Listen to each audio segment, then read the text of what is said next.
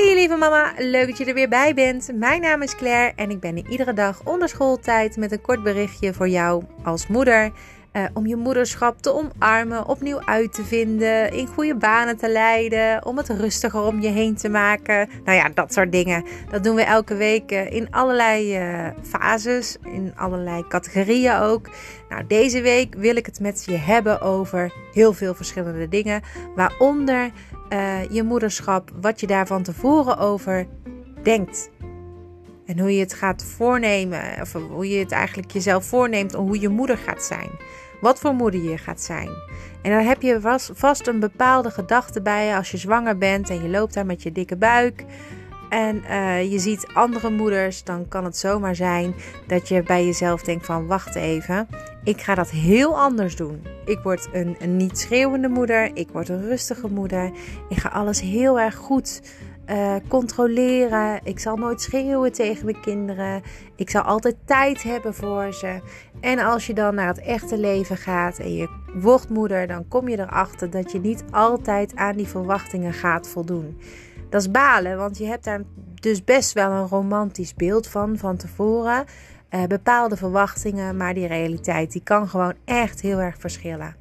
Nou, ik heb wat voorbeelden voor je natuurlijk. Zoals bijvoorbeeld, uh, ik zal het perfecte evenwicht vinden tussen werk en gezin. En de realiteit is dat je al blij bent dat je kinderen op tijd op school zijn. En dat jij niet in je pyjama naar je werk gaat. Of ik zal altijd tijd hebben voor mezelf. En ik ga dat echt, ik ga aan zelfzorg denken. En ik ga dat doen. Maar de realiteit is dat je uh, ja, toch even moet zoeken naar die tijd voor jezelf. Wat, wat is dat tijd voor jezelf?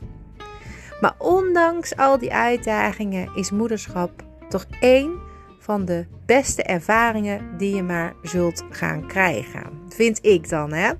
Want het is een kans om te groeien als vrouw. Het is een kans om heel veel dingen over jezelf en anderen te leren. En ook een kans om te genieten en te leren genieten van kleine dingen. Dus aan alle moeders die luisteren, wees niet te hard voor jezelf en onthoud dat je niet alleen bent in deze reis. Er zijn er heel veel meer met jou. Alle mama's hebben verwachtingen en alle mama's komen zichzelf tegen in deze reis. En daarom ben ik er elke dag met een leuke tip of iets om weer uit te proberen, zodat jij uiteindelijk die moederschap naar je hand kan zetten. Ik wens jou voor vandaag een hele fijne maandag. Ik ben er morgen weer natuurlijk. Dan gaan we weer iets anders oppakken. En uh, ik hoop dat je wat aan mijn woorden hebt van vandaag. Tot morgen. Doeg!